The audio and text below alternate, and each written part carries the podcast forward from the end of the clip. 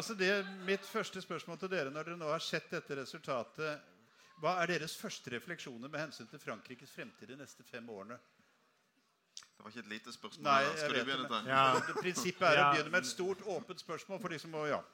Jeg først bare lov å si at For en som har brukt mye av sitt liv i ungdomspolitisk arbeid i, og, og også som er det fantastisk å komme her og se så mange engasjerte og fremtidsoptimistiske ungdom som jeg møter her i dag. Jeg må si bare si Gratulerer på dette arrangementet. Jeg sa det til, eh, til Marte og Kjersti da jeg kom her. Dette er fantastisk å se. Det andre jeg har lyst til å si, er at vi har én ting som, som bør glede oss i dag, og som er viktig for Frankrikes fremtid, det er at Macron aldri i denne valgkampen leflet med disse fremmedfiendtlige, disse negative, disse pessimistiske tonene. Han hadde en klar kommunikasjon. Han gjorde dette et verdivalg. Han snakket om republikkens verdier, han snakket om menneskeverd, han snakket om mangfold.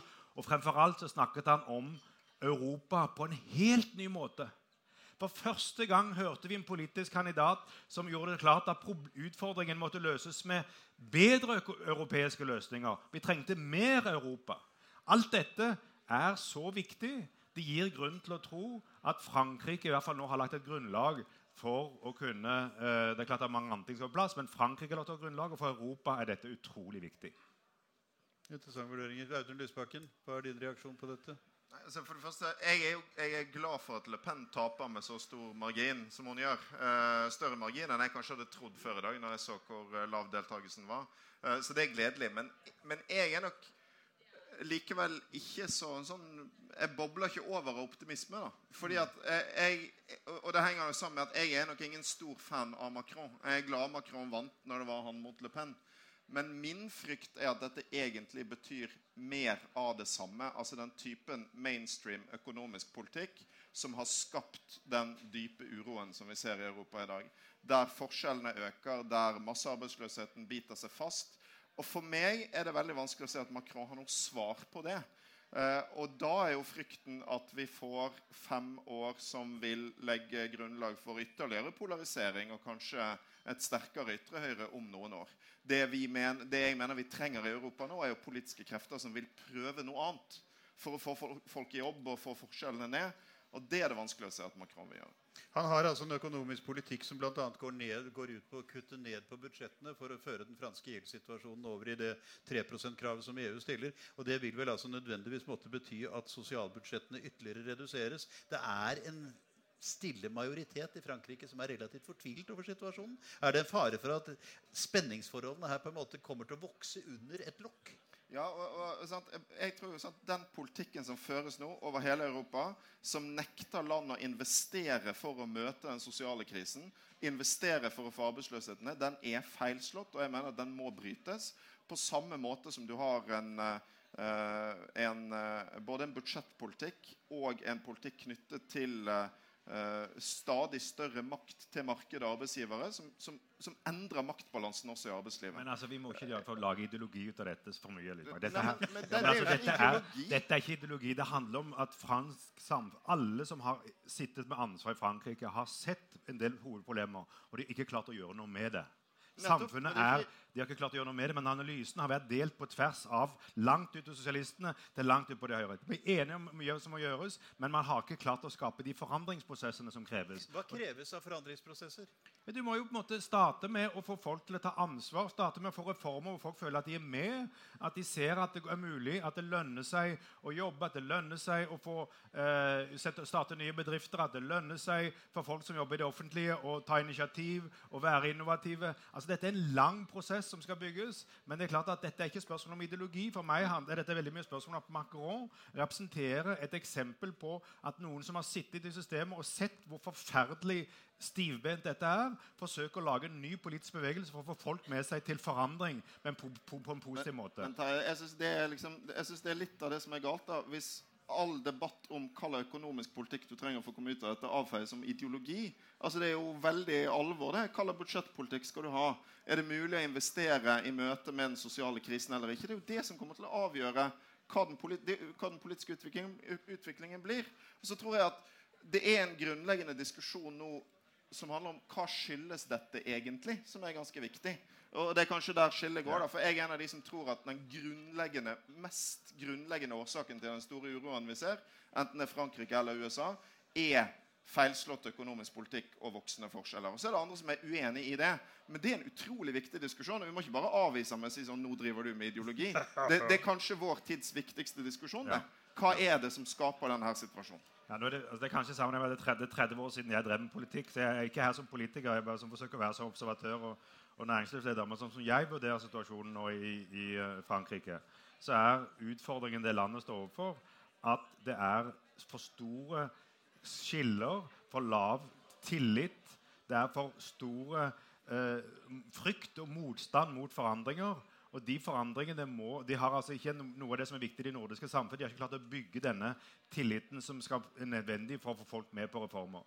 Og det tror jeg at Macron, hvis han nå i tillegg klarer å få med seg bred, et, et, parlamentarisk grunnlag med nye mennesker inn, få med seg en del fra høyresiden og sosialistpartiet inn i en bredere bevegelse, så tror jeg faktisk at Frankrike kan være på vei mot noe av det mer sentrums, konsensuspregede, skritt for skritt-reform som har gitt gode resultater i Norden, og som også Frankrike trenger. Altså, Hans forgjenger eh, Hollande, eh, Francois Hollande forsøkte jo i begynnelsen av sin periode å reetablere arbeidsplasser i de gamle industriområdene. Og det vil vel altså i praksis si at han egentlig gikk inn for å reversere globaliseringen. Han prøvde å få med seg Angela Merkel på dette uten særlig hell. Men er ikke situasjonen rett og slett den at verden har forandret seg så mye at det er helt nødvendig å tenke i andre politiske termer? Altså at du er nødt til å finne andre måter å fordele det på. Eventuelt gå med på at du må leve med en betydelig arbeidsledighet. og finne andre andre måter å da fange opp de som rammes av det. Ja. Altså, er, er, denne bevegelsen til Macron egnet for dette? Eller burde man kanskje hatt bedre av en katalyserende kraft, en eller annen sånn virkelig jack, ikke sant, som da tvang frem en helt annen type tenkning? Det, det, det, kommer helt an på hvor du står. Sant? Det er spennende å se hva, hva Macron uh, står for. Altså, en ting som kom fram denne uken, som kanskje kan uh, være et tegn på at Macron tenker litt mer alternativt økonomisk enn det jeg har trodd. For eksempel, er jo eh, Den tidligere greske finansministeren Varoufakis har skrevet en bok der han ganske nådeløst utleverer alt som skjedde av spill rundt den greske gjeldskrisen. Mm. Og der det kommer fram at Macron visstnok skal ha vært den ene stemmen i den franske regjeringen som liksom har støttet han da, og, og prøvd å, å, å, jobbe for at Frankrike skulle stå opp for grekernes mulighet til å få uh, gjeldslettelse. Sant? Som jo er et veldig sentralt spørsmål. Så har jo ulike kandidater prøvd seg på ulike sånne radikale svar. Eh, Benoit Armand, eh, sosialistpartiets kandidat, som snakket mye om borgerlønn f.eks. Det gikk jo ikke særlig bra. Um, Jean-Luc Mélenchon, som jo hadde en annen type tilnærming enn Macron, med betydelig større suksess enn Armand, i hvert fall, uh, som jo var slags, et forsøk på en fornyelse av den radikale venstresiden, som mm. jo også lykkes oppsiktsvekkende bra i dette valget, selv om det ble Le Pen som var liksom hovedstoryen. Ja. Skal jeg gi et godt eksempel for dette området som jeg kjenner fra personlig erfaring de siste årene. Det er energipolitikken.